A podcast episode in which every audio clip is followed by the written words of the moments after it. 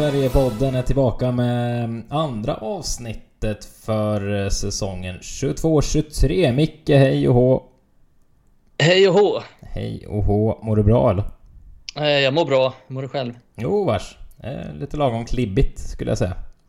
Jaså? Ja, men eh, så kan det ju vara. Adam är eh, inte med oss den här veckan. Han eh, gör något annat helt enkelt. Han har ju åtta barn tror vi nu ungefär.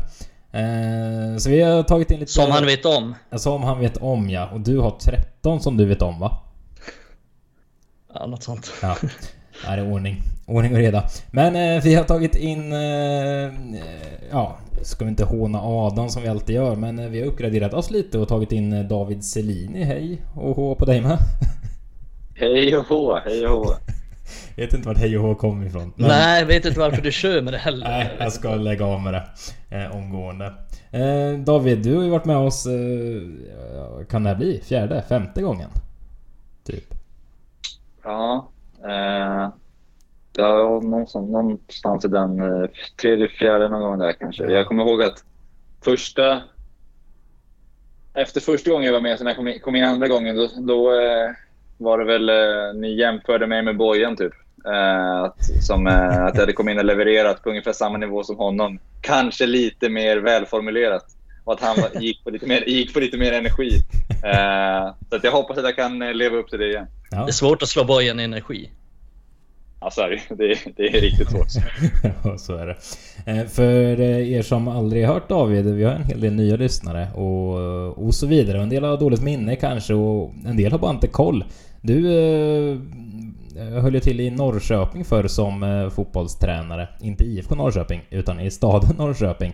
Men nu för tiden är du ju faktiskt i Allsvenskan i IFK Värnamo som assisterande tränare och gör dundersuccé, eller hur? Det, dundersuccé får ju stå för dig, men eh, att jag är i Värnamo, det, det stämmer absolut. Så jag hängde med Norrköpings eh, store son Kim Hellberg hit i, eh, i vintras. Så att eh, vi kör eh, på här med, med buller, och, buller och bång eh, och försöker göra det här så bra som möjligt. Och nu just den här veckan mår vi jäkligt bra efter eh, seger mot Hammarby på, på, eh, på nya Söderstadion eller Tele2 Arena eller vad man vill kalla den, vilket var otroligt roligt. Så att, eh, nej, det, just nu är det bra. Det Ja, måste det är ändå... gött också som eh, Malmö FF-fan som jag är. Så det är... Men ni, Det kryss, grät man inte. ni kryssar väl mot Malmö FF för den delen också tidigare?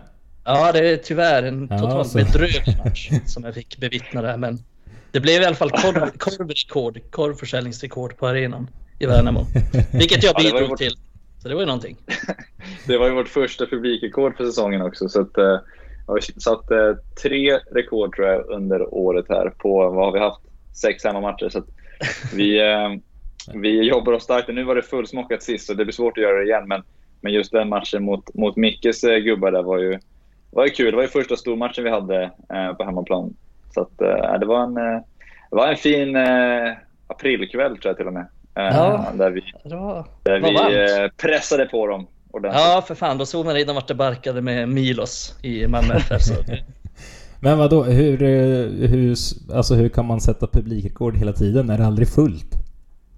Nej, inte de två första gångerna, men senast var det. Så att det, var, det var väl något gammalt eh, rekord från ett derby mot eh, Gislaved eller Gnosjö eller någonting på 60-talet som slogs eh, när vi mötte Malmö. Och då var det väl strax under 5000 tror jag.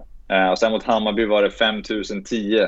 Och nu mot AIK senast där så var det, var det den eh, absolut fullproppat. Då var det 5070 så att vi jobbade upp 60 platser där. Så att nu, eh, det går, de sa det, det går inte att få in fler människor här. Ja. Eh, Finnvedsvallen men det vet, va? Men det vet ju Micke Mm. att det är ju löparbanor runt omkring. Så att folk Mm. går ju att få in. Det är ju Ja. inga problem. Ja, det går ju att sätta sig där och hålla Ja. på. Jag har, Härja. jag, har Gör faktiskt, gjort- krokben på de som ska ta inkast. jag har faktiskt gjort självmål på Finnvedsvallen. Inga frågor på det. Ja, det, Eh, Så jag har också är varit där. skryter om. Och inte korvförsäljningsrekord då kan jag säga. Men eh, hur som helst så är du ju tränare på elitnivå. Även om det inte är på Uniteds nivå kanske som vi ska prata om. Eh, inte än, en vacker dag ramlar in där. Men eh, därför tycker vi det är väldigt kul att ha med David här som eh, kan ge lite Lite den vinkeln på saker och ting. Jag och Micke kan ju mycket men eh, inte vara med i en elitverksamhet i fotboll. Jaså? Ja, du- Snacka för dig själv nu. Ja, jo visst. Vilken har du varit med i då? Nej, inte än. Nej, det- Tidsfråga. Det är, varför tror du David är med här? Håller på att fjäska för att jag ska komma in i organisationen så småningom. Ja, vad Så skulle, det du, vad, löser vi. vad skulle du kliva in i för roll? Eh, Det vill jag helst inte säga. Det tar vi, jag och David sen. Fan så svagt det här. Ja, ja. Det får du ju tro. Men eh, om vi ska vända oss till eh, United så tänker jag att vi kan börja i en lite intressant eh, ände. Sett till senaste tiden här. Cristiano Ronaldo är ju på de flestas läppar. Som alla vet ramlade han tillbaka till United efter mycket om och men inför förra säsongen. Men eh, ja, och ingen hörde någonting efter, efter senaste säsongen här. Men sen helt plötsligt för eh, några veckor sedan så började det knorras lite. Han skulle inte med på försäsongsturnén och det tycks som att han vill lämna.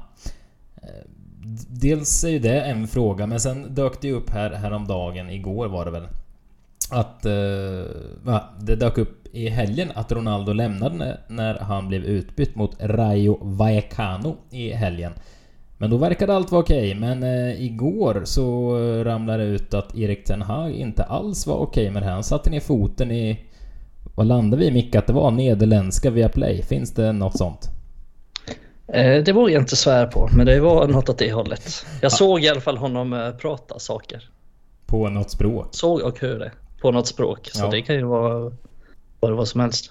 Men om du börjar Micke, och om vi ska börja i den änden att han lämnade eh, Old Trafford där innan. Det var ett gäng andra som gjorde också ska sägas, men som jag har förstått det så spelade inte de i den här matchen. Men vad, vad tänker du om situationen? Nej, alltså jag har väl en sån här känsla nu att det är sån jävla cirkus med honom, liksom allt han gör. Och det behöver inte alltid vara nödvändigtvis hans fel, men det blir liksom stora rubriker oavsett vad som händer. Och jag tycker väl den här grejen när han lämnar innan, innan matchen var över mot Marcano, att det, det är sån jävla onödig grej att göra. Varför liksom? Eh, och jag känner väl att det inte är sånt vi behöver just nu i, i, i den här klubben med, med allt som har hänt de senaste säsongerna och allt som har hänt nu på försäsongen med att, ja, som han har ställt till med måste man ju säga, när han vill lämna och sådär. Så att, jag tycker det tar för, allt han gör och liksom allt han är tar för mycket fokus och energi från folk som hade kunnat riktas mot annat håll, mot bättre saker. Men eh, vi går till David snart, men Micke, va, alltså varför tror du? Det går ju bara att spekulera i, men varför lämnar han? När det är så en halvtimme kvar av matchen? Eller, För att han inte var? bryr sig, för att allting handlar om honom. För att det är liksom, han skiter totalt i United, han skiter totalt i den här matchen. Han är bara där för sin egen skull och när han blir utbytt så ser han ingen mening med att vara kvar där. Så tror jag. Men tror du rent av det kan vara att han vill lämna och därför gör en sån här grej för han vet att det inte blir populärt hos United och de ska släppa honom lättare? Oj, ja, det- vet jag inte, det har jag inte riktigt tänkt på men nej, eh, det tror jag väl inte. Jag kan väl inte utesluta det men jag tror, jag tror väl främst att han, han inte bryr sig så mycket. Han ser, han ser inte riktigt någon mening med att vara kvar där på arenan. Han, Nej. han har gjort sitt liksom, han vill hem. Mm. David, vad säger du om ni hade någon... Det kanske inte finns så stora superstjärnor i IFK Marcus Värnamo. Antonsson. Ja, Marcus Antonsson. Vad hade du gjort om han gjorde likadant? Hur gör man i ett lag så här? Eh, Är ja, det förkastligt? det låter ju... Jag tycker att hela grejen med honom låter väldigt konstigt från första början. För att det känns ju som att han måste ha något riktigt saftigt på bordet som han är sugen på att nappa på. Då, med tanke på att han bränner ut sig. Alltså försöker typ bränna ut sig totalt här. Och, och, eh, Men det har han ju inte, det är det som är så konstigt.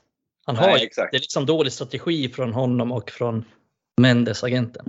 Ja, men det, det verkar som att han, om, alltså om, nu, om han drar utan till sådana här, han försöker, det, jag kan bara se det som att han, nu vet inte jag riktigt, jag har inte följt med 100% i vad folk runt omkring säger, men när jag ser sådana här grejer så tänker jag som supporter mer att, att eh, det verkar vara en, en idiot liksom. Och, och då, nu hade inte jag super, kanske god relation till Ronaldo innan heller, men, men eh, det är ju ett, ett sätt att förstöra någon form av rykte också. För han är ju jäkligt stor alltså. Och sen det här, jag vet inte riktigt vad som har kommit fram kring själva försäsongsturnén heller där med att han inte var med där. Men jag förstod det som att han bara inte dök upp, eller? Stämde inte det? Alltså, Nej, så det är väl personliga skäl, men det har väl aldrig framkommit vad de personliga skälen är eller om det ens är personliga skäl överhuvudtaget. Utan Nej, okej. det är, nu är det ju svårt att säga liksom. Det, det här kan ju falla tillbaks dåligt på mig om jag säger allt för mycket, men det verkar ju inte som att det är någonting liksom, utan det är mest för att han, han, han vill inte spela i United så han vill inte följa med. Nej, och då skulle jag tolka det som att han... Det finns ju någonting då som han...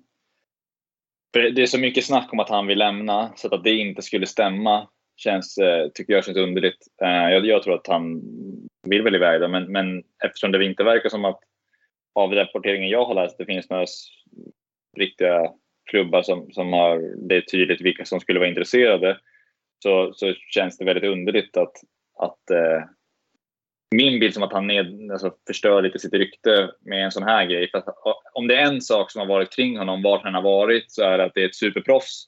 Och det är ett superproffs som liksom gör allt för att maximera prestation och såna här grejer. Och en del i det skulle jag kunna tänka mig är också att, att du har en form av bra relation och ställning till din tränare och till, till dina lagkamrater och såna här bitar. Och om de nu inte har- har tillåtits att lämna arenan tidigare, vilket jag ser väldigt svårt varför man skulle göra det från första början. Det skulle ju vara att du på något sätt behöver åka ifrån arenan för ja, men, att du åker till ett sjukhus och sådana här grejer. Och om det inte så är fallet så förstår jag inte varför man ska åka därifrån innan matchen är slut. För att det är inte särskilt svårt att gå ut i paus eller vilken minut man nu blir utbytt i en match, duscha, vara kvar i omklädningsrummet, köra sina isbad eller vad det nu är man vill göra. Det finns ju garanterat på plats på, på, på arenan. Liksom.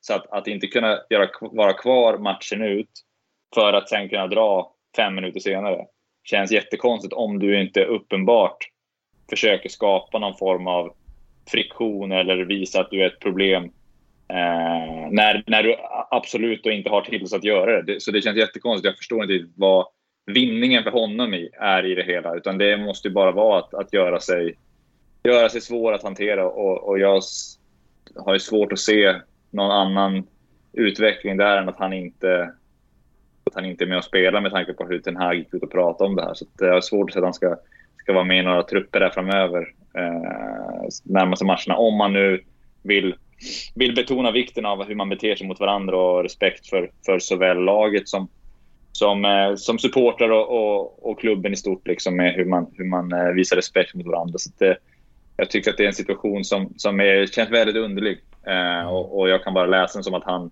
vill på något sätt göra sig svår att, att, att ha kvar. Liksom, att det ska då göra United mer villiga att, att låta honom gå vidare. Eh, när de nu uppenbarligen inte verkar vilja göra det. Ja, men det är så märkligt. Eh, fattar inte heller grejen. Eh, som jag tolkar det så är han, eh, han är 37 år nu, han är 38 i februari. Han är desperat över att liksom göra sitt sista avtryck. Han vill liksom mjölka ur så mycket som möjligt av sin karriär. Han vill spela de här sista Champions League-matcherna. Jag läste någonting om att han har typ fyra mål färre i gruppspelet i Champions League än Messi. Och att han vill liksom slå de här grejerna. Han vill göra så mycket som möjligt av sin karriär.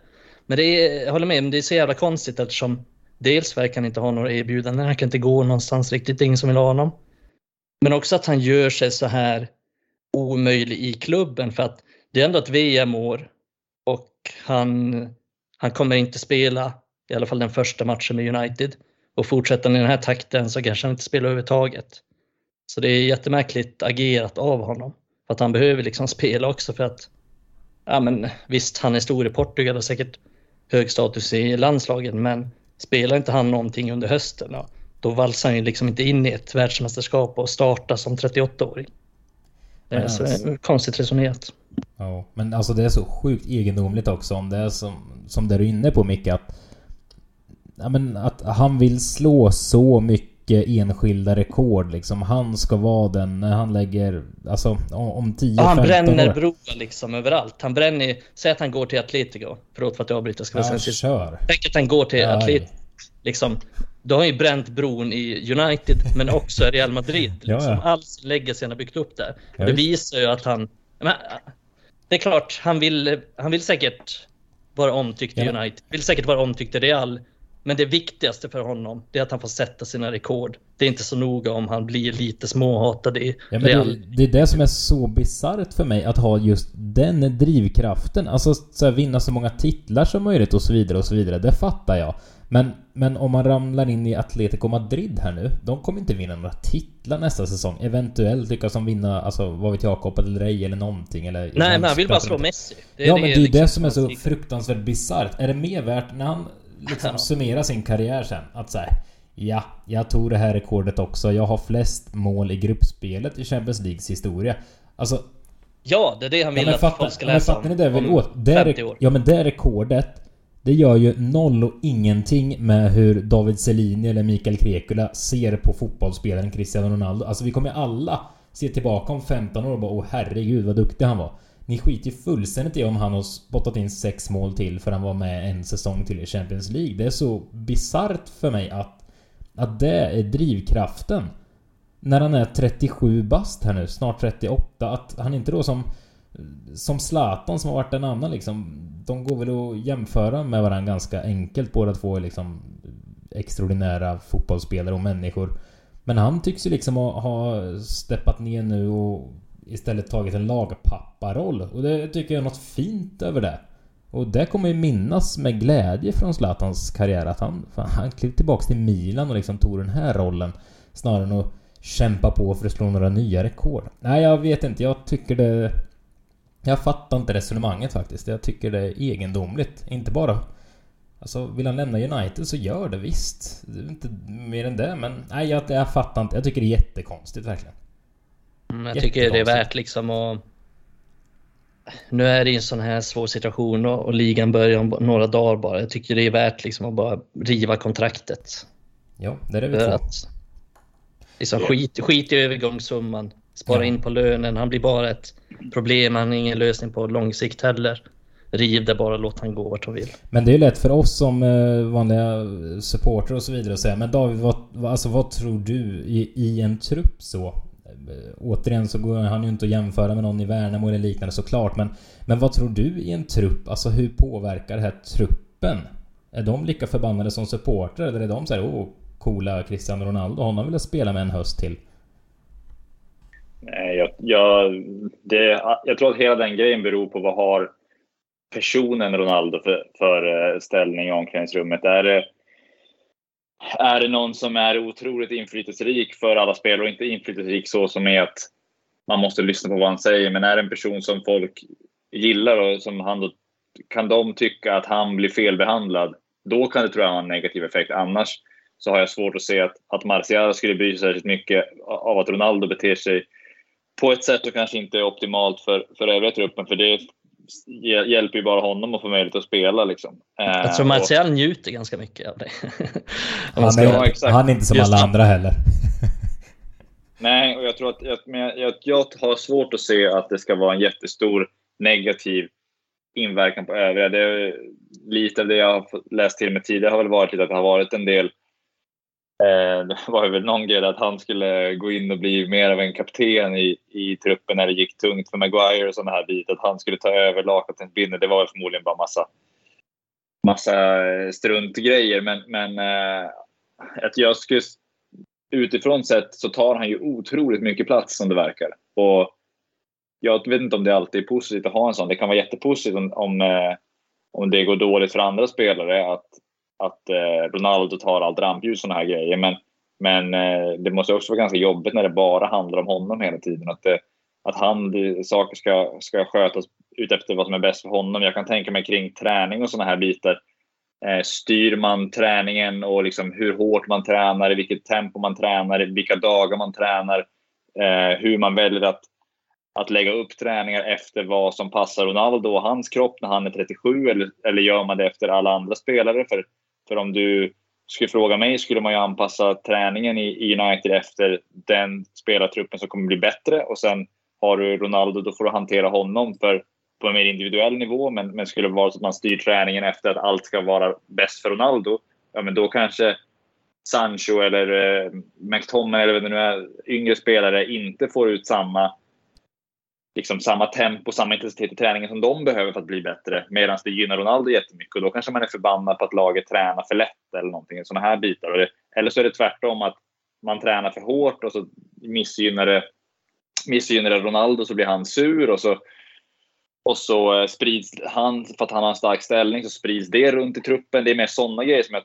tänker kan vara negativa truppmässigt. Annars tror jag bara att, att han är en spelare som, som de andra och är det så att han beter sig illa och är, och är borta och Ten Hag har, har kommit in och lyckats sätta någon form av kultur i omklädningsrummet här eh, på den tiden han har varit inne så, så, så tror jag mer att det blir ett individuellt problem än ett kollektivt. Så jag tror inte att det stör övriga jättemycket kopplat till prestationerna på planen. För jag tror att Ten Hag är en så pass bra tränare att han får, får spelarna att hålla fokus på, på det de kan göra bättre. Och, och eh, det är att, att bli bättre ute efter sättet de vill spela fotboll på varje dag i träning, varje dag de jobbar med säkert jättemycket med videoanalys och sådana här bitar nu när de försöker sätta ett, ett spelsätt, hur de jobbar med att utvärdera matcher eh, och förbereda sig för säsongen. Så jag skulle, det jag har uppfattat av Den Haag så tror jag att spel, övriga spelare har fullt sjå med, med att liksom hålla sig inom hans ramar snarare än att behöva bry sig mycket om Ronaldo. Och de spelarna som verkligen kan påverkas av det är de han direkt konkurrerar med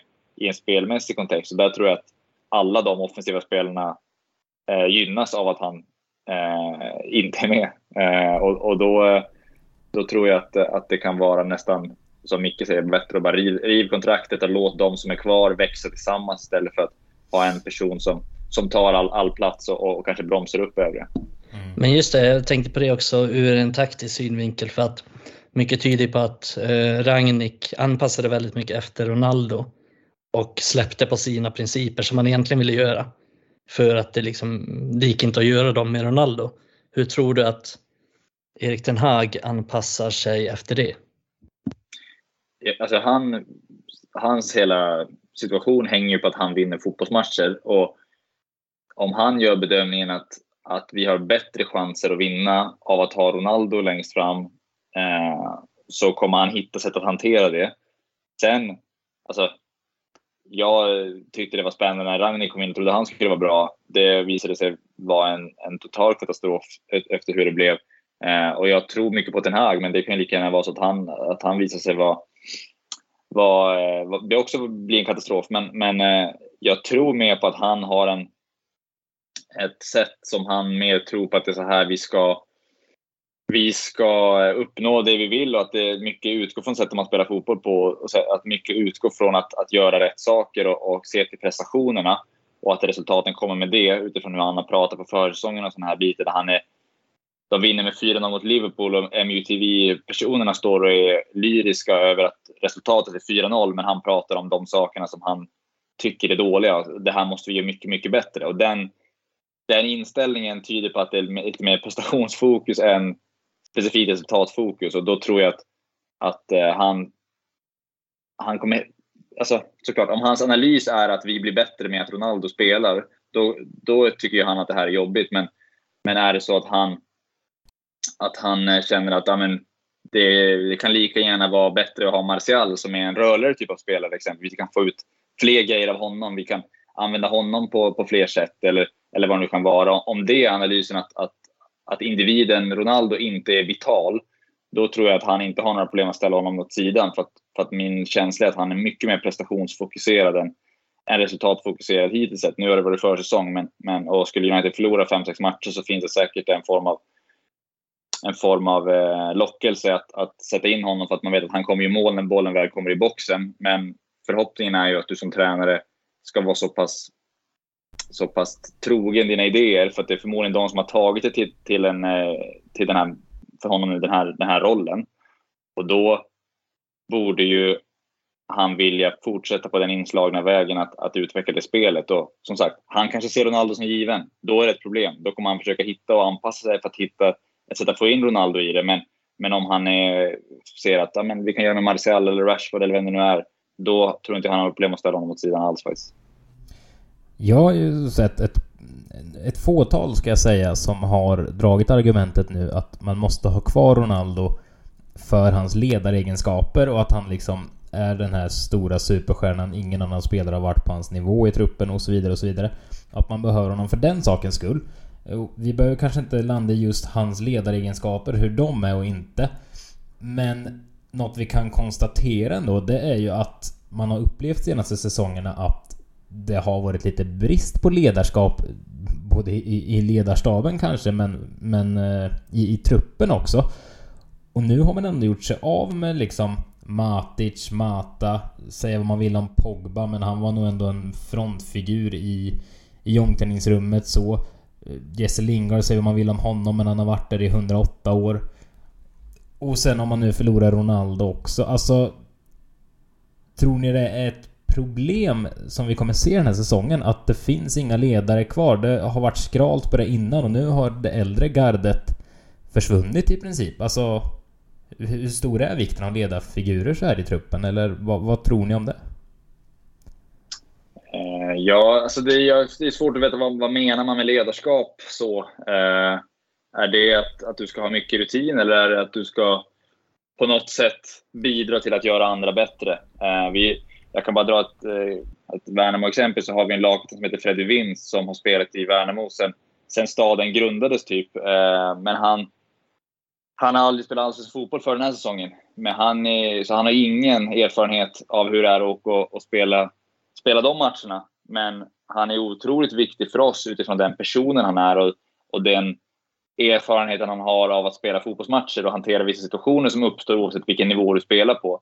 Men har som sagt ingen erfarenhet av att spela på Gamla Ullevi eller på, på, på eh, Tele2 i en allsvensk match. Han har mest spelat i Superettan tror jag. Men, men eh, den typen av erfarenhet har han inte. Men han är fortfarande avgörande för oss. Samtidigt som vi har andra spelare som inte heller har någon allsvensk rutin men är ledare för att de är men, bra personer som folk tycker om. Och, och de gör Robin Tihi, en av våra absolut största ledarfigurer, han är född 02. Eh, har, har liksom gjort 12 allsvenska matcher innan den här säsongen och han är en av dem som, som vi ser som en, en ledare i gruppen för att han, han tar eh, otroligt mycket ansvar till massa grejer runt omkring. Han tar hand om när spelare kommer in på provspel så skjutsar han runt dem. Så de tar sig till hotell och, och kommer och, han tar med dem ut och käkar lunch och såna här grejer. Och han, han tar hand om att hjälpa till, hjälpa till med att få bort material från träningen. Och han är alltid först på plats och förbereder sig för att, för att träna. Och han är yngst av alla spelare. Så han har ett ledarskap som lika väl Martinez kan ha, eller Sancho kan ha. Eh, så att jag vet inte alltid om det är just rutinen som är viktig. Och, och om du dessutom då är, om nu Ronaldo ska vara en ledare och beter sig illa och går emot de, de regler som finns, då, då tycker jag bara verkar vara en dålig ledare. Så att jag tror inte att, att det är ett lika stort problem som man kanske tänker på ut, eh, om man säger utifrån. Sen, sen vet ju inte vi någonting om hur de här personerna är. Men det kan ju också göra att andra får plats att att kliva fram. Alltså McTominay och Fernandes och de här kanske är jättebra ledare i gruppen. Eh, och då kanske de kan få en, en större plats när, när vissa av de här andra du nämner har, har försvunnit och, och får ta sin plats så. Så det kan bli en, eh, en utveckling på sådana bitar också tror jag. Och sen tror jag att mycket kommer från tränaren och vilken kultur du skapar. Eh, jag tror att Ten Hag blir, är den viktigaste ledaren i det där laget oavsett vilka som, som ingår i spelartruppen.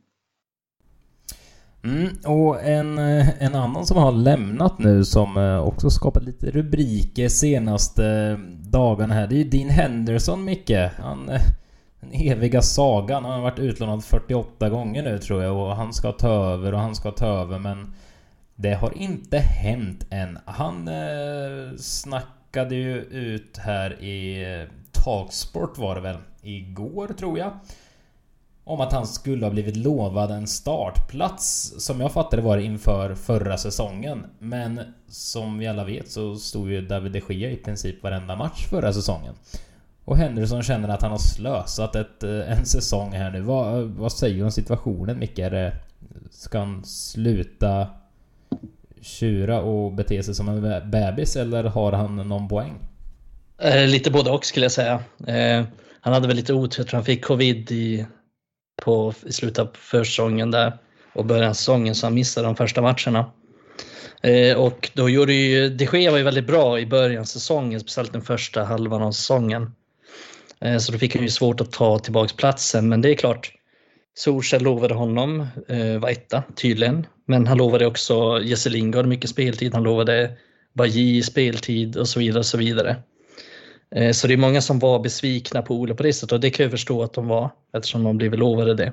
Men samtidigt, liksom, han är kontrakterad av klubben. Han kan inte gå ut och såga klubben totalt. Att han liksom har slösat bort ett helt år och allting har varit piss. Och, så det känns ju väldigt oproffsigt av honom. Men det, känns, det går ändå, tycker jag, helt i linje med, med den typen han är, alltså med den typen av personlighet han är. Han är ju väldigt mycket så här Peter Schmeichel-attityd, eh, liksom att han är bäst och han är liksom störst och bäst och vackrast och han ska spela och, och han förtjänar alltid och, och så vidare och så vidare. Så det är hans inställning och det har alltid varit den inställningen. Eh, så jag kan väl tycka att han har en poäng i det, men samtidigt så, så måste han ju liksom acceptera att de Gea var bra i början av säsongen, men sen, sen, sen är det en lite svår situation för att nu med ny tränare Erik Den Haag som tycker att det är viktigt att man kan att man kan eh, liksom använda målvakten, spela, spela från försvarslinjen och uppåt och använda målvakten i det. Och där tycker jag att han är bättre än de Gea. Sen tycker jag att han är bättre också, liksom han äger sitt straffområde på ett bättre sätt än de Gea. Så jag tycker att han har ett case av att han ska spela. Eh, så det är en, eh, ja, det är en svår situation och jag tror att United känns rätt, rätt clueless där riktigt vad de ska göra av den här situationen. För det är inte bara skeppa de Gea heller som sitter på liksom världens högsta lön för alla målvakter. Nej. Så det är, ja, det är en svår situation. Och... Men det, det känns ju också, vi, det, alltså det har ju varit ute lite tidigare också. Alltså lite rykten och så vidare om att Solskär lovade ju guld och gröna skogar till Lite för många kanske. Och sen eh, har han inte riktigt kunnat levt upp till det. Sen med det sagt så tycker jag att... Alltså från början tycker jag i alla fall att han kan inte lova Henderson en startplats om det är så när han har David de Gea där som liksom varit en av Nej, världens bästa målvakter de senaste tio åren. Det är bisarrt redan där. Även om så här, de Gea var lite på nedgång och så vidare. Men Henderson fick ju chansen där ett tag också och stod några matcher i rad. Eh, inte förra säsongen utan den innan. Men alltså jag tyckte inte han tog chansen så då är det så här, Du, du fick... Alltså jag fattar att han hamnat i kläm, Henderson, i United när det sker stopp där. Men han tog ju faktiskt inte chansen när han väl fick chansen. Så jag vet inte. Jag tycker nog... Knip igen känner jag. Sen fattar jag om man är besviken på Solskjaer om man blev lovad. Men ja, man kan väl inte lova mm. någon i, i världsfotboll? Herregud. Lovar du någonsin någon speltid David? Du start... jag, som, jag, jag, behöver inte stå för det, så det får faktiskt Kim, Kim göra. Men, men, eh, Svårt att tro att han gör det också. Hej! Du kommer förstå nej. alla man... Du är första målvakt nu. Punkt och slut. Det kan man inte nej, säga. Det, nej, och det känns faktiskt ganska...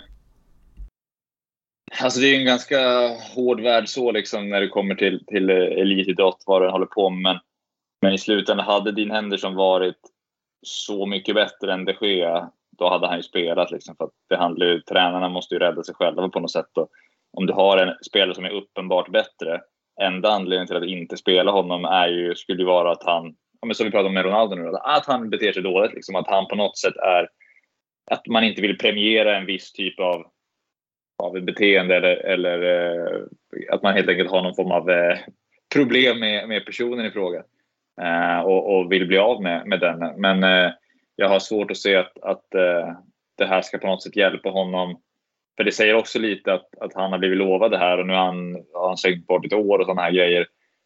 Ja men, nummer ett, hur kan du, han ha blivit lovad? Det är ju otroligt amatörmässigt i så fall av, av United att, att säga att du ska få spela varje match och sen spelar du inte. Det, är, alltså, det låter helt hjärndött. Men, Solskärpt. ja, det är inte omöjligt, det ska sägas. Nej, men, men att sen då att han ska gå ut och prata om det jag tycker det låter lite som att han ska på något sätt försvara sig själv med att han då har fått en, en nedbromsning i sin karriär som, som han var väldigt hypad för, för två år sedan. Liksom. Uh, och det känns lite minuspsyke på honom också. Varför ska han behöva gå ut och säga det? Säg bara att du, har, du är här för att göra ett bra jobb i Nottingham Forest och du ska, ska ju visa att du är en riktigt bra målvakt och du vill in i VM-truppen eller något sånt där. Då, då ser du att ja, men det här är en spelare som vill någonting och brinner. Nu känns det som att han sitter där och är och, och är nedslagen för att, för att det inte blev som det blev där. Det, jag tycker det är en underlig bild han förmedlar av sig själv som karaktär också. Bara, Låter gammal och bitter. Ja, men jag ser, jag ser, inte heller riktigt poängen med att liksom, vad han att vinna på det och säga det, gå ut och säga det. Han har inte så mycket att vinna på det. Jag, jag läser det som att han förstår inte att tränarna tyckte att någon annan var bättre än honom. Och det kan ju vara, alltså, ja, men det är klart att han ska tycka att han är bättre än det sker. Det vore ju konstigt annars. Han, klart att han ska vilja spela. Men att uttrycka sig sådär är ju som att du har ingen förståelse för hur, hur liksom själva fotbollsvärlden fungerar. Tränaren tar ju oftast i alla fall ut de spelarna som, som han tror kommer ge United bäst chanser att vinna matchen. För det gynnar ju tränaren själv. Mm. Eh, att, att, laget vinner. Så det, det, visar ju bara att han förstår ju inte, eller har på något sätt blivit lurad av att tränaren har, har tutat i dig att du är jättebra, du kommer få chansen. Sen får du aldrig chansen som ett sätt att ah, men du är inte så bra egentligen. Jag tycker inte att du är så bra, jag säger det bara för att jag är konflikträdd eller någonting. Eh, man, kan, man kan ju se Ole var det faktiskt. Ja. ja jag vet inte. Det, det, det, jag tror att det, det hade varit kul att höra hans version i så fall av det här. Ja. Att jag, jag, skulle nog kunna lova att, att Ole har en liten annan, eh, annan tolkning av situationen. Jag tror att det här ja, är väldigt eh, individuellt för honom. Ja, ja men det är, han, är ju, han, är lite den, han har ju lite den stilen. Han tror att han är bäst i världen. Han sa ju redan för typ fem år sedan att han kommer vara liksom etta i United och att han är tillräckligt bra för att vara det och så vidare. Och så vidare. Han har ju alltid haft den inställningen. Kommer när han gick på lån till, till något lag i typ så här National League eller någonting och så började han på bänken och så sa han direkt att bara ge mig chansen, du kommer inte bli besviken, liksom, sa han till tränaren direkt efter första matchen. Liksom. Var väldigt på dem och sådär och väldigt, väldigt mycket för att bygga upp sig själv och det är på gott och ont.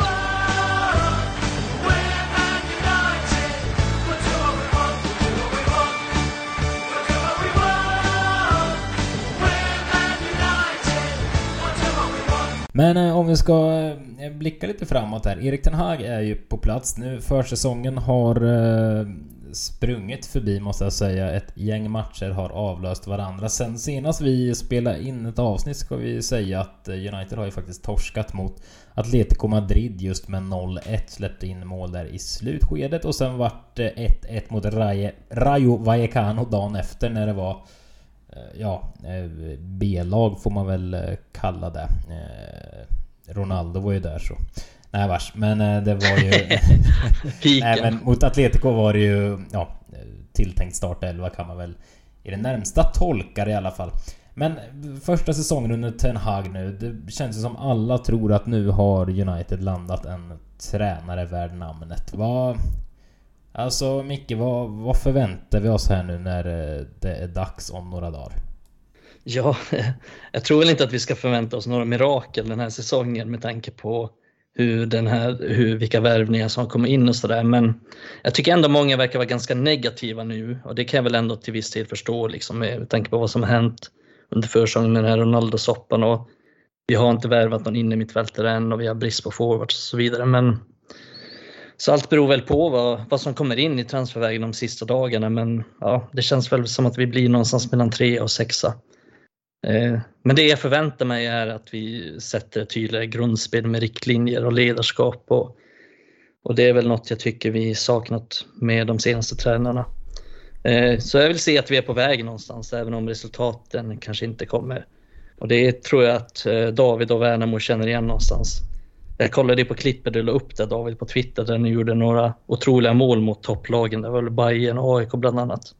Och det är ju, liksom, ni gör ju de målen för att, för att ni har en idé, ett mod och liksom en riktning som ni följer. Och då kommer det ju liksom, det kommer ju komma misstag med det som det kanske gjorde mot Djurgården för er, men i det långa loppet så, så kommer det ju liksom belöningar. Och det är det jag hoppas på att se med United, även om United såklart kommer vara mer av ett topplag.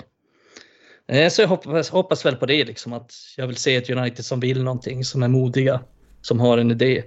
Och så kanske en titel på det och lyckas gräva fram en fjärde plats någonstans så skulle det vara kanon. Men överlag så vill jag väl bara se fram emot att se United igen. Det är ett tag sedan man gjorde det, så och det hoppas jag på. Men, men David, alltså tror du... Eller alltså är det i elitverksamhet så här, är det bara resultat som liksom så här Kom så högt som möjligt i ligan, kom så långt som möjligt i alla kupper så är vi nöjda med det Ten Hag. Eller är utveckling en stor del i det? Alltså vad tror du i det här läget? Alltså som i Värnamo, är det håll er kvar i Allsvenskan för allt i världen? Eller är det utveckla spel och så? Sen är det lite annorlunda såklart. United kommer inte åka ur oavsett vad. Det kan Värnamo göra mot att utveckla ett spel? Ja, ni fattar skillnaden. Mm. Men, men Mm. alltså är det resultat rakt igenom här tycker du som är det viktigaste? Eller kan du ta om United kommer, säg United kommer sjua till och med liksom. Men man har sett ett fantastiskt spel. Men av olika anledningar för tunn trupp eller vad som helst så, så får man inte resultaten med sig. Alltså vad, vad tänker du där? Mm. Eh, nej, jag tror att eh, jag personligen, och så som vi jobbar här, vi har sagt från första början att vi vill bli bättre varje dag. Och sen, sen hoppas vi att, att eh, vårt sätt att jobba och, och spela fotboll ska leda till att vi tar tillräckligt många poäng för att, för att eh, jag menar, först och främst spela allsvenskan 2023 också.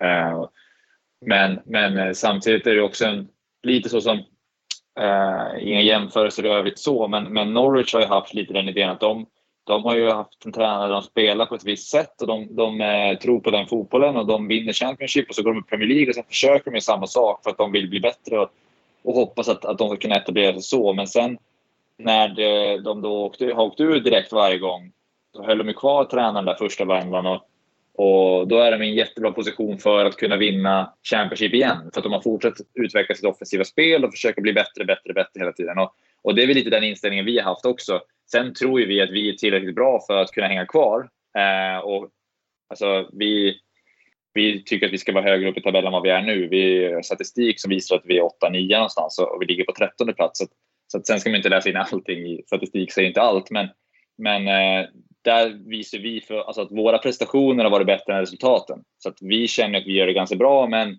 för att kunna fortsätta bli bättre så, så är det såklart en fördel för oss att få tillräckligt bra resultat så vi får möjligheter att göra det nästa år. Och den biten tycker jag är intressant även med United. För att, för att eh, jag tror att många elitklubbar, jag vet det här, så, eh, där resultat resultatet är det absolut viktigaste. För att det är det som på något sätt syns utåt sett. Och, och som Micke snackade där om Djurgårdsmatchen, vi är nöjda med vår prestation mot Djurgården. Vi gör en del misstag, förlorar med 5-0. Vi är värdelösa i allmänhetens ögon. Vi åker och möter Hammarby där vi gör typ exakt samma match, men vi är till och med lite sämre offensivt. Vi har lite mindre boll, vi har lite färre målchanser, men vi vinner matchen och då är vi helt plötsligt liksom, då är det succé. Eh, och det är ju bara hur resultatet präglar bilden man har utåt sett. Så där tror jag att det är viktigt att inne i gruppen, om man väljer att fokusera på att vi ska bli bättre varje dag, vi, ska, vi vill uppnå de här, de här bitarna i hur vi spelar fotboll, för vi tror att det kommer gynna oss resultatmässigt också. Att man då inne i gruppen är starka att kunna, kunna fokusera på de bitarna, så att vi inte bara följer upp hur många mål man gjorde eller hur många mål man släppte in i en viss match. För att, för att då är det, blir det väldigt resultatstyrt. Jag såg att Mittjylland exempelvis här, de sparkade tränare för ett tag sedan och hänvisade till att de hade för dålig statistik. Alltså inte resultaten var inte nödvändigtvis dåliga, utan det var som jag tolkade det på deras, deras pressutskick, det var att de hade för dåliga statistiska siffror för att den, deras resultat skulle vara hållbara över tid och enligt den bedömningen de gjorde. Vilket var en, en otroligt prestationsbaserad eh, analys av, av hur man, hur man liksom har presterat. Så att, så att jag tror att det viktiga för, för Ten Hag, det är att, att inte klubben och, och supportrar stirrar sig blinda på resultaten. För det är klart att United kan spela jättebra mot Brighton på söndag, men förlora med 1-0. Och har du några sådana matcher under säsong, samtidigt som det då inte klickar helt i att du får ut allt i spelet på en gång, så finns det en risk att du missar topp 4. I, som måste väl vara någon form av grundmål från början. Eh, men jag är lite som Micke, att om, om jag som supporter ser att laget eh, blir bättre och bättre, att det finns någon form av Egentligen vill jag bara säga, när jag kollar på, på United så är det viktigaste för mig att, att det, matcherna är, är roliga. Det är lite fart och det är intensitet. Man, man går för att vinna matchen hela tiden. Man försöker ta matchen till motståndarna. Sen om det innebär att man i någon match försvarar mycket lågt och försöker kontra så är det helt fint för mig. Så länge det man gör, gör man med en jäkla intensitet och fart i allting. Och att försöka, lite som United var förr i tiden när det var att ja, men de kunde torska mot Blackburn i en hemmamatch, men sista kvarten var en belägring där bollen bara ben runt målet och man tänkte att ja, men det är liksom, på något sätt är det ändå spännande att kolla på det.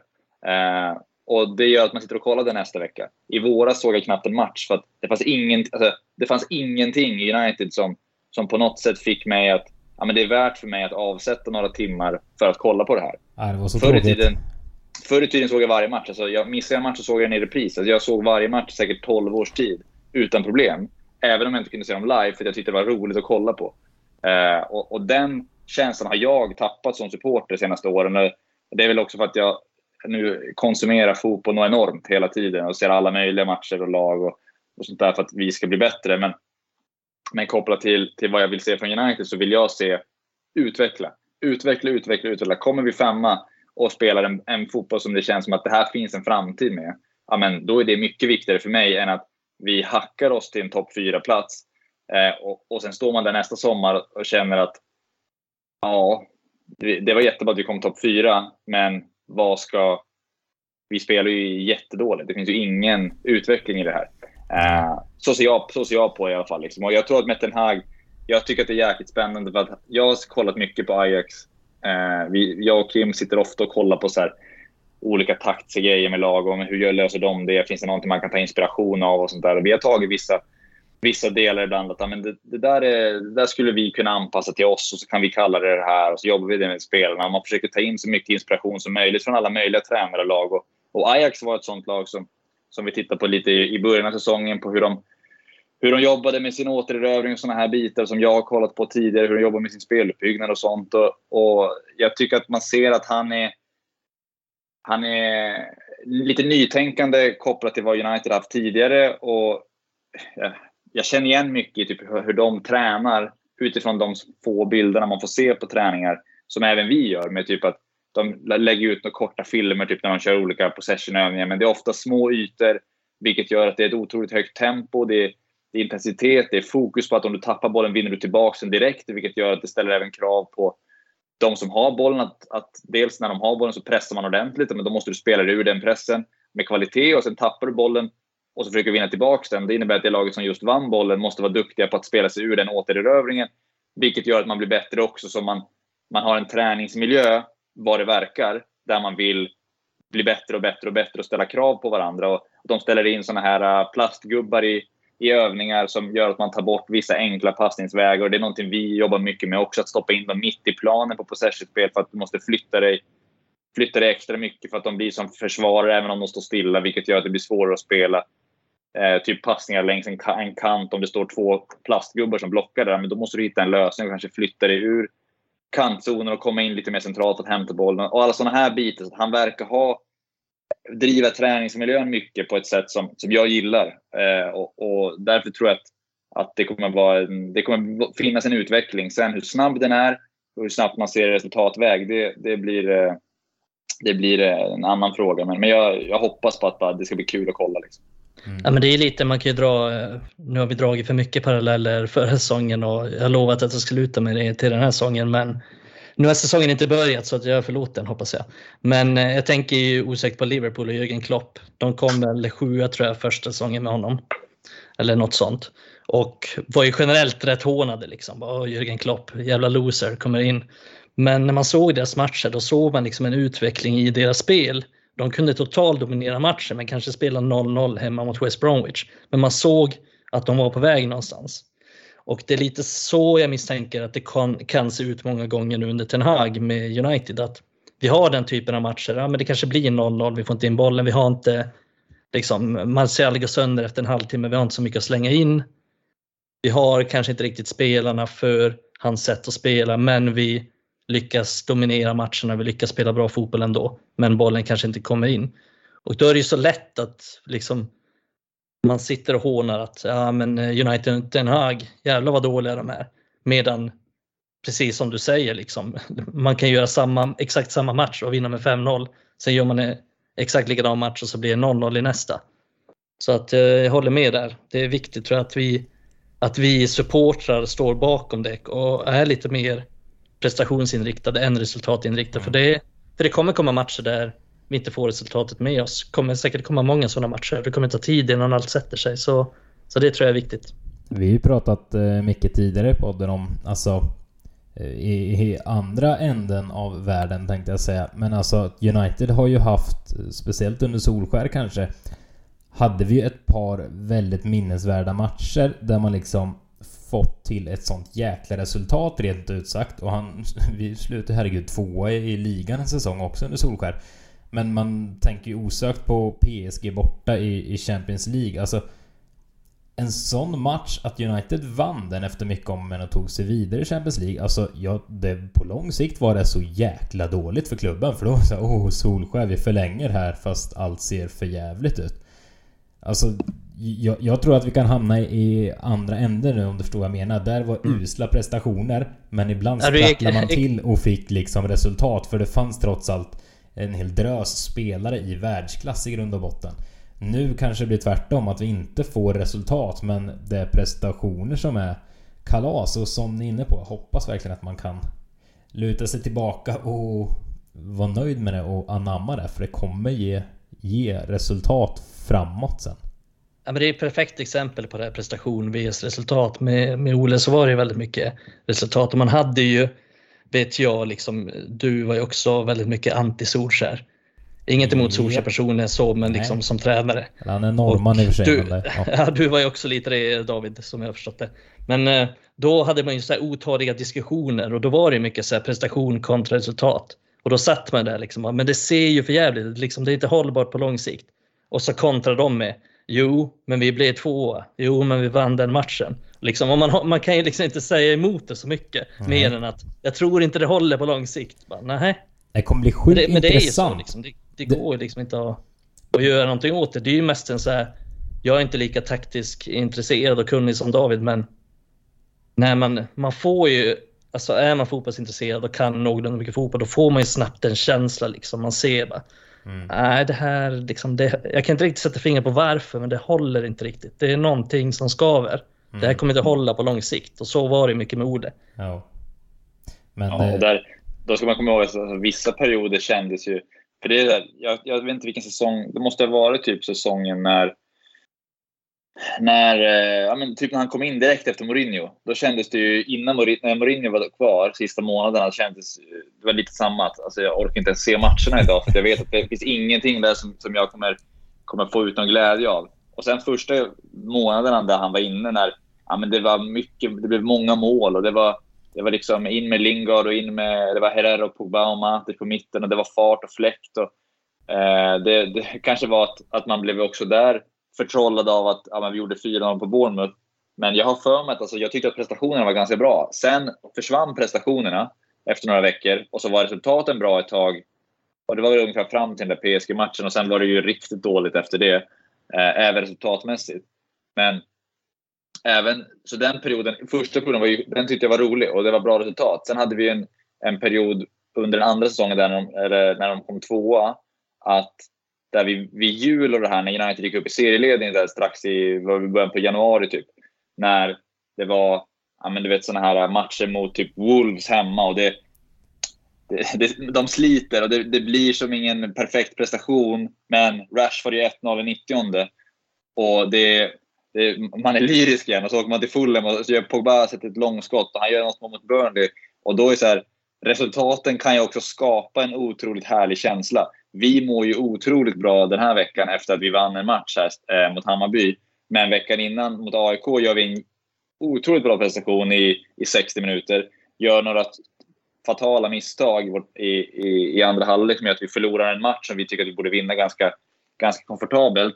Och då mår man ju inte jättebra även om prestationen var bra. Så hur mycket prestationsfokus man än har så blir ju resultatet på något sätt ledande i den bilden som det är lätt att få. Eh, men, men att, att jag, jag, tror att, att Ten Hag är tillräckligt skicklig för att, att skapa sig tid genom att, att dels få med sig spelarna, för det är den första grejen, att de har varit eh, hånade och utskrattade och har förmodligen mått ganska dåligt efter hur de har dels presterat men också fått resultat senaste, senaste säsongen. Eh, så att, att jag förväntar mig att det ganska snabbt här nu kommer finnas en, eh, en intensitet och en, en frenesi och en glädje hur de spelar fotboll. Och får de med sig resultaten så är det jättebra. Eh, och, och, det kommer vara viktigt. Men jag är lite orolig för när det kommer en motgång att det kan vara lätt då som spelare att falla tillbaka lite hur, hur det kändes förra säsongen. Eh, så jag tror det kommer komma någon sån, någon sån eh, liksom, ett riktigt slag vid, vid något tillfälle. Men att här i början så tror jag att det kommer flyga på rätt fint. För att, för att jag tror att alla spelare kommer känna att dels att de vill visa hur bra de är. För det, det tror jag att så funkar de flesta människor. Att, att har du på något sätt blivit nedtryckt och, och har misslyckats så brukar, framförallt elitidrottare, vilja visa att de, hur bra de egentligen är. Eh, så jag tror att, att vi kommer få en bra start så och, och där gäller det också då att hålla koll på på är det prestationerna som är bra eller resultaten som är bra? Och är, det, är resultaten hyfsat dåliga så kanske fortfarande prestationerna kan vara jättebra. Då är Liverpool-kopplingen du drog mycket relevant att, att eh, över tid så kanske de här prestationerna kommer ge de resultaten vi vill ha. Eh, så jag tror att det, det kommer finnas eh, det kommer bli en otroligt intressant säsong så. Vad blir narrativet runt omkring och vad blir känslan för, får vi kalla oss då ändå på någon form av insida eftersom, eftersom vi följer klubben närmare än vad, än vad eh, gemene man i allmänheten gör. Så, så att, eh, den, den dynamiken under säsongen kommer bli väldigt spännande att följa. Yes, men eh, om vi ska... Det är United Brighton på söndag i premiären. Eh, alltså Micke, vad, vad tror du här nu? Alltså, eh, för det minns jag från förra säsongen när vi mötte Brighton. De, de är ju, på tal om prestation och resultat, de är ju ett lag som ofta, eh, i alla fall eh, utåt sett så, så snackar man om att de spelar så himla fin fotboll och så vidare och så vidare. Men eh, Eh, ja, de närmar sig inte att knacka på topp eh, top 4 direkt. Men jag minns förra säsongen, alltså det var ju lite mörkt att se United mot Brighton för man kände ju att herregud, alltså lilla, lilla Brighton är ett oerhört mycket bättre fotbollslag än stora mäktiga Manchester United. Vad, vad tror vi nu? Är, har det gått så fort här för Ten Hag så vi kan få se United liksom vara spelförande mot ett Brighton redan på söndag? Eller ska vi snällt acceptera att vi kanske får jaga boll på söndag också? Ja, alltså jag tror en viktig sak här är att eh, när vi mötte Brighton senast till exempel, då de spelade ut oss totalt. Men eh, där hade vi liksom så här, dels var de bättre liksom skolade än vad United var, men också mer motivation. Och det tror jag inte är fallet nu. Nu tror jag faktiskt att United har mer motivation än Brighton har. Plus att United spelar på hemmaplan, fullsatt av Trafford, premiär. Så att jag tror att det kommer ge väldigt mycket och det kommer ge en så här gratis biljett till Erik Ten Hag också. Eh, så jag tror att eh, jag förväntar mig faktiskt att United är det lag som kommer styra och trycka på och jag hoppas att det kommer vara så också. Men eh, sen tycker jag inte det är katastrof om Brighton har en del att säga till om för att rent spelmässigt så är de ett av ligans bästa lag. Faktiskt. Och, men om vi pratar mer så generellt och inte bara tar den här matchen mot Brighton så tror jag ju att liksom, kommer United kunna dominera matcher som de här nu. Och då antar jag att du menar liksom mot mittenlag, typ som Brighton. Vilket ja. eh, jag kommer ihåg, det var någon match mot Aston Villa. Vad kom Aston Villa förra säsongen? Typ 13 plats. Och de vann ju med 1-0 på Trafford tror jag. Och eh, var det bättre laget helt enkelt. Det var inte bara så att de vann på tur, utan de hade ju lika mycket bollinnehav, fler chanser, liksom, vann rättvist. Eh, och jag tror att den här säsongen generellt så kommer United dominera fler, fler av den typen av matcher. Och det är väl det jag någonstans hoppas, att se, hoppas få se också. För, för det är jag liksom trött på. Jag är trött på att se United bli tillbaka pressade mot, mot lag som ska vara sämre och lag som ska hamna längre ner i tabellen och som, som eh, slutligen också hamnar längre ner i tabellen. Så nej, jag tror att United kommer dominera den här typen av matcher. Jag tror att United kommer att vara det bättre laget. Jag tror att United kommer vinna mot Brighton. Vad tror du David? Hur, hur, snabbt går det för en trupp så här att liksom anamma ett nytt spelsätt? Nu har inte jag jättekoll på hur Värnamo spelade innan ni kom in liksom i, i bilden där du och Kim, men alltså går det fort att, att ändra ett lag för Alltså om man jämför, nu hade vi Ragnik också, men om man jämför Solskär mot Den Haag så känns det ju som, som dag och natt liksom. Solskär slängde ut en boll och sa kör nu, eh, ha roligt. Eh, Play, play good. Och Ten Hag känns det som oerhört genomtänkt och så vidare. Alltså kommer det... När tror du att vi kan förvänta oss att se resultat ordentligt? Eller kommer vi se det snabbt som, som ögat? Eh, jag, jag tror att, eh, att Ten Hag sett att... Så, så som min bild av honom som tränare, så han tar sig an saker, att han är otroligt eh, flexibel så tillvida att han inte bara har... Jag har ett ett sätt att spela, utan han kommer vara han kommer, alltså hans United kommer inte se ut som Ajax, utan han, han kommer ha, ja men de här spelarna ah, har jag, det här är den spelaren bra på, det innebär att vi kan styra spelet så här. Eh, vilket gör att det är svårt att säga att de kommer spela så här på ett visst sätt. Så jag tror inte att han har ett, ett spelsätt så tillvida att ja, men vi ska spela exakt så här, utan det är mer att han har en hel del idéer. Eller som man i, i tränarkretsar gillar att säga, principer i spelet.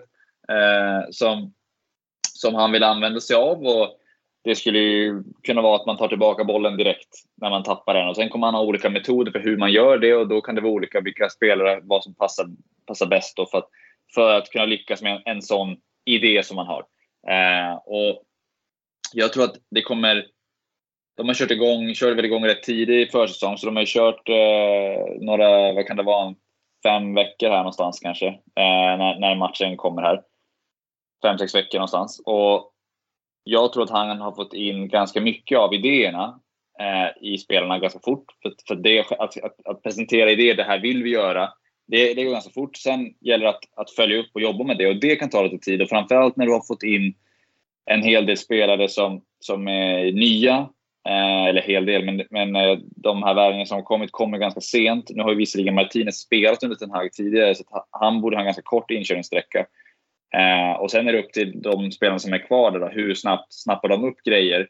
Jag har ju också bilden av att det har varit ganska fritt för, för många av spelarna, framförallt de offensiva spelarna, i, i hur de ska spela eh, offensiv fotboll.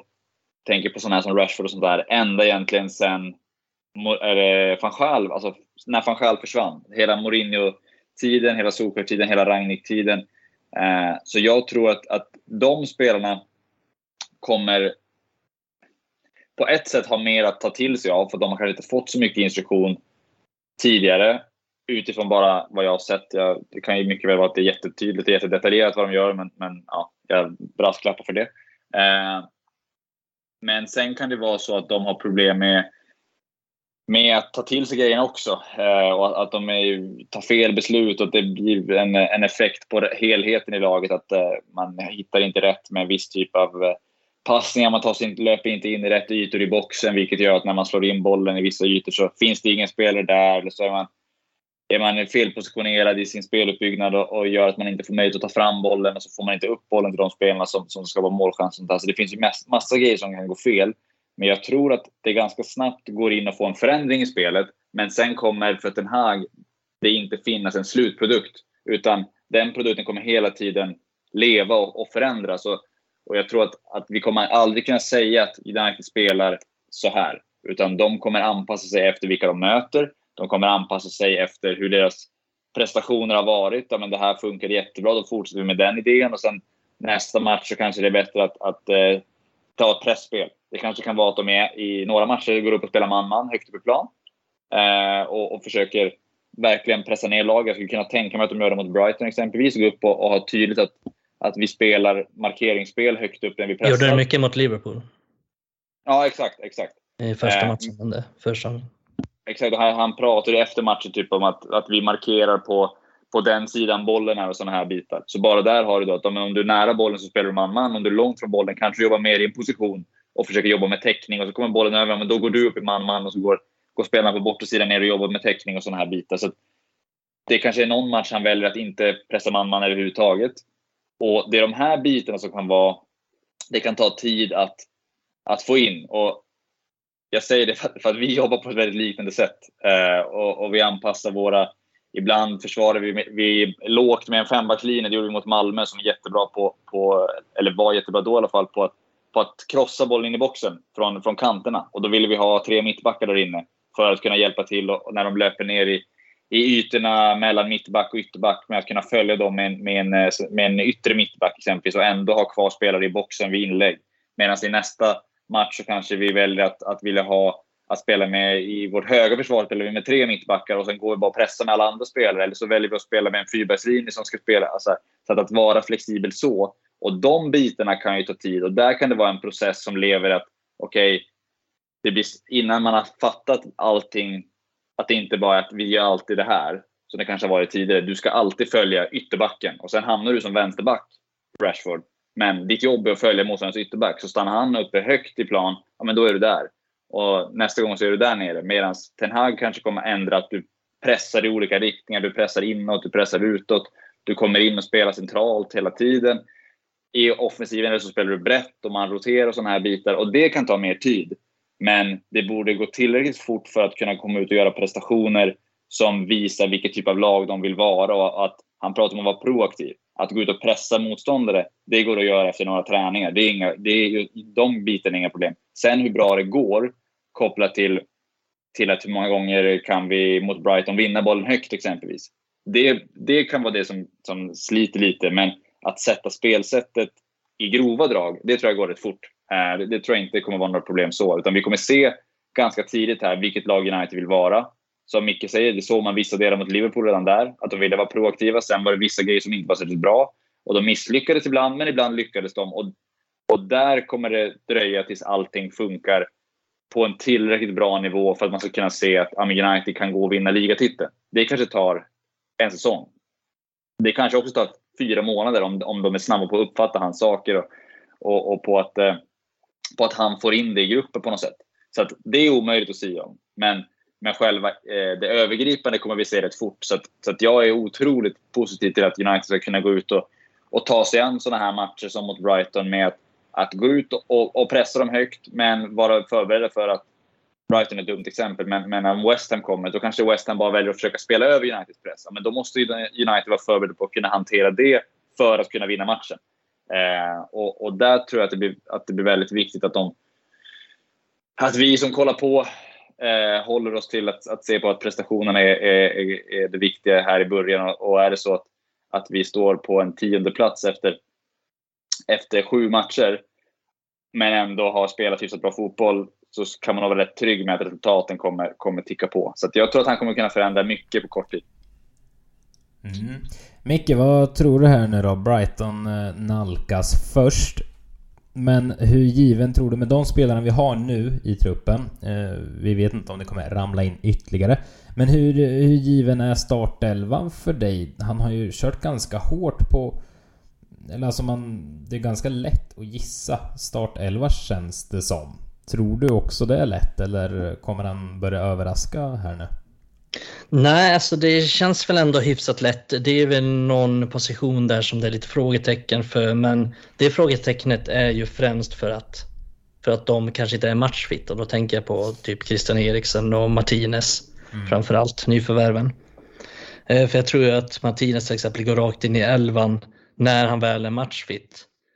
Men jag är inte säker på att han går rakt in i elvan till den här premiären eftersom han har spelat så pass lite.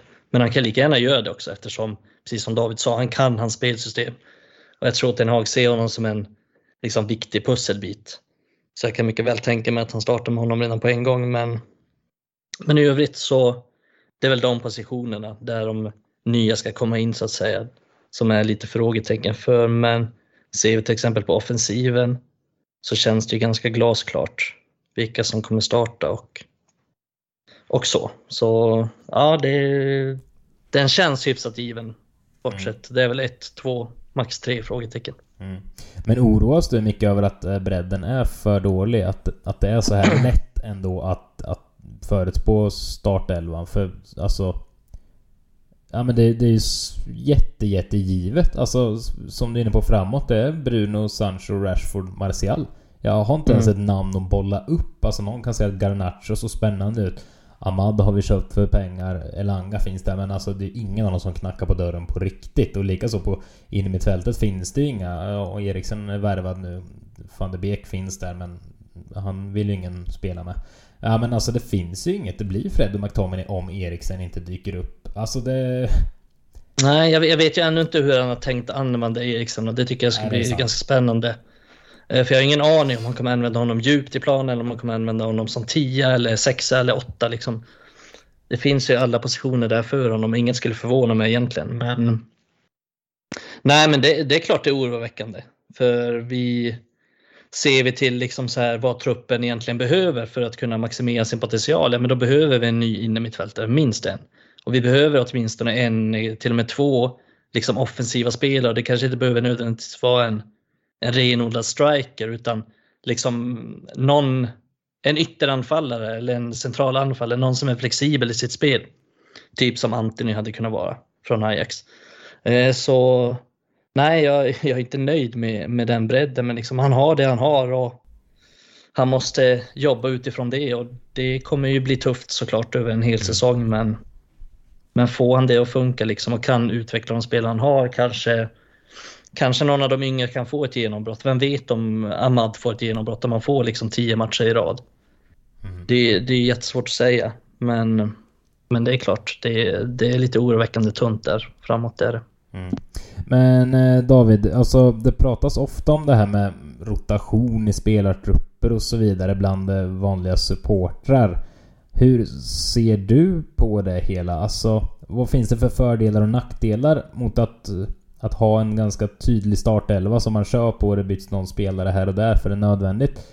Eller som i vissa lag, eh, ja tänk Guardiola genom historien har ju liksom Det har ju snurrat så det står härliga till. Alltså vad, vad finns det för fördelar och nackdelar med det hela?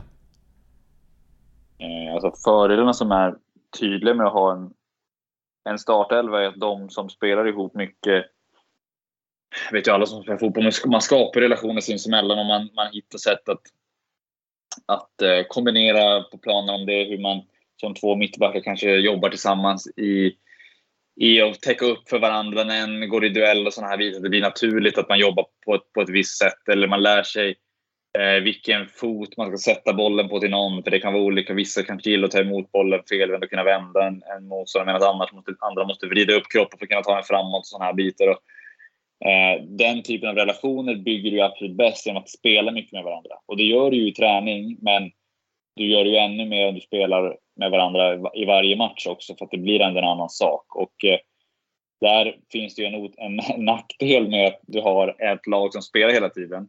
För att det laget som spelar hela tiden får ju en fördel gentemot de andra spelarna eftersom du styr ju alltså A-lagsmatcherna styr ju själva verksamheten i, i, en fotbollsklubb. Och skulle du ha 11 spelare i United som, som spelar på, på eh, lördagen en Premier League-match så innebär det att du har ett gäng spelare som inte gör det. Och de måste ju på något sätt kompenseras för att försöka på något sätt komma upp i samma nivå som de som är inne och spelar matcherna. Och det är ju omöjligt att göra för att du kan spela B-lagsmatcher eller du kan spela, göra en hård träning. Men du kommer inte upp i samma sak som med hela liksom, anspänning och erfarenheter av, av att spela de här matcherna. Och, och du, du kan inte...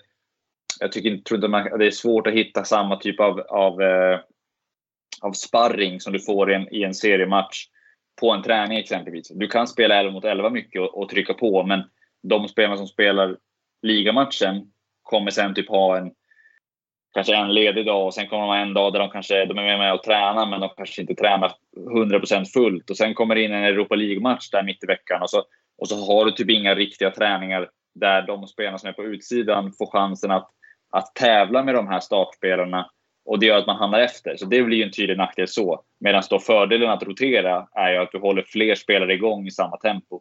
Och det kanske är fler spelare som, som utvecklas tillsammans och, och skapar relationer även om det är svårare att skapa relationer när spelare kommer ut och in. Så det finns ju massa, massa sådana idéer som, som kan gynna och missgynna. Men, men i Uniteds fall så handlar det ju, som det ser ut nu mest om att, att hitta spelare som passar in i det här sättet som, som Ten Hag vill använda dem. Jag tror att han kommer jobba med att utveckla spelarna väldigt mycket. Att han sa väl det där att om, om vi inte får den spelaren vi vill ha på mitten så kommer vi att försöka utveckla de vi har. Och, så jag, det skulle inte förvåna mig att ganska många spelare kan ta kliv eh, mot... Alltså bilden folk har av dem nu kan vara helt annorlunda om ett år. Att, att vissa spelare kan, kan man se som, som givna spelare.